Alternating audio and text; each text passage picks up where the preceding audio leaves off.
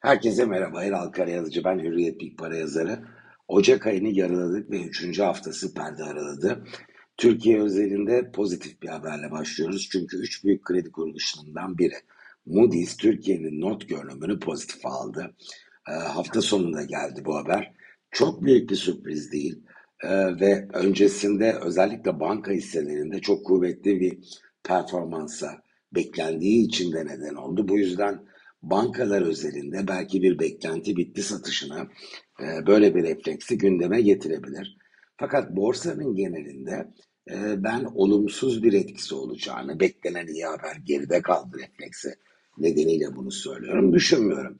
Çünkü bu güçlü pozitif harekette e, biz aslan payını bankaların aldığını gördük. Örneğin sanayi endeksi 2024 yılının ilk iki haftalık bölümünde sadece yüzde iki yükseldi TL bazında. Dolar bazında bakarsak hiç değişmedi.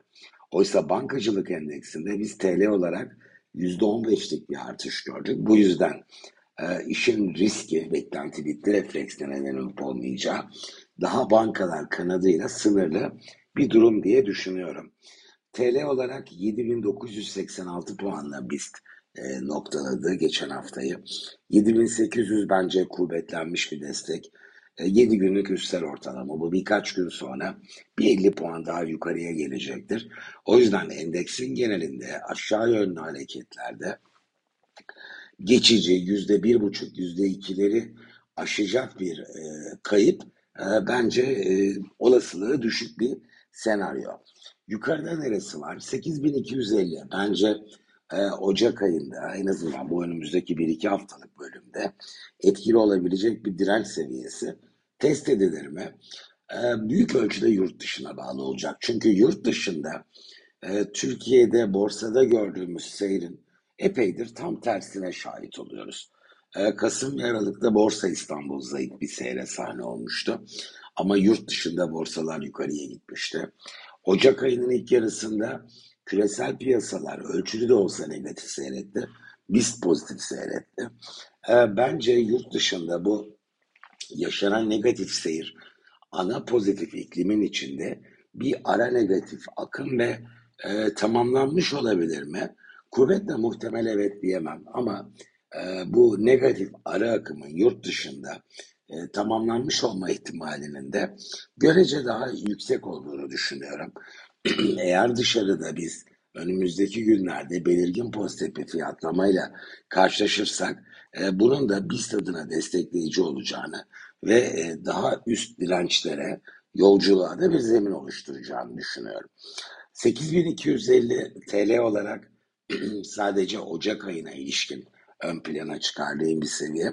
E, ben doğrusu ilk çeyrekte 280 dolar civarına, e, ilk yarı yılda 300 dolar civarına, 2024'ün sonu itibariyle de 375-400 bandına BIST'in test, et, e, test etme şansını e, koruduğunu ve Anerota'nın Borsa İstanbul'da da yukarı yönde gelişmesi ihtimalinin daha yüksek olduğunu düşünüyorum. Amerika bugün kapalı ama Avrupa'da işlemler var. Yarın Amerika'da katılacak. Ne görüyoruz? Şimdi dışarıda bence orkestranın şefi tahvil cephesi ve oradaki fiyatlama tüm varlık piyasalarında etkisini gösteriyor. E, burada da yavaş yavaş tahvil faizlerinde yeniden ılımlı da olsa e, bir aşağıya doğru geri geliş havası e, filizleniyor. Bu elbette varlık piyasaları için pozitif olacak. En önemlisi enflasyon ve istihdam verileriydi. Buradan aslında piyasa umduğu cesareti bulamadı ama buna rağmen faizlerin yukarı gitmeyip aksine aşağı doğru esnemesi e, bardağın dolu tarafına not edebileceğimiz bir detay. E, gümüşün anlamlı bir seviyeye gerilediğini düşünüyorum. 26 doları test etmişti. Şimdi 23.2 dolar seviyesinde. E, bu cephe e, varlıklar içinde acaba yer vermeli miyim sorgusunu e, hak eden bir noktada. Çünkü 2024'ün genelinde hem varlık piyasalarındaki pozitif seyrin hem de başta Fed merkez bankalarının faiz indirim döngüsünün gümüş adına destekleyici olacağını düşünüyorum.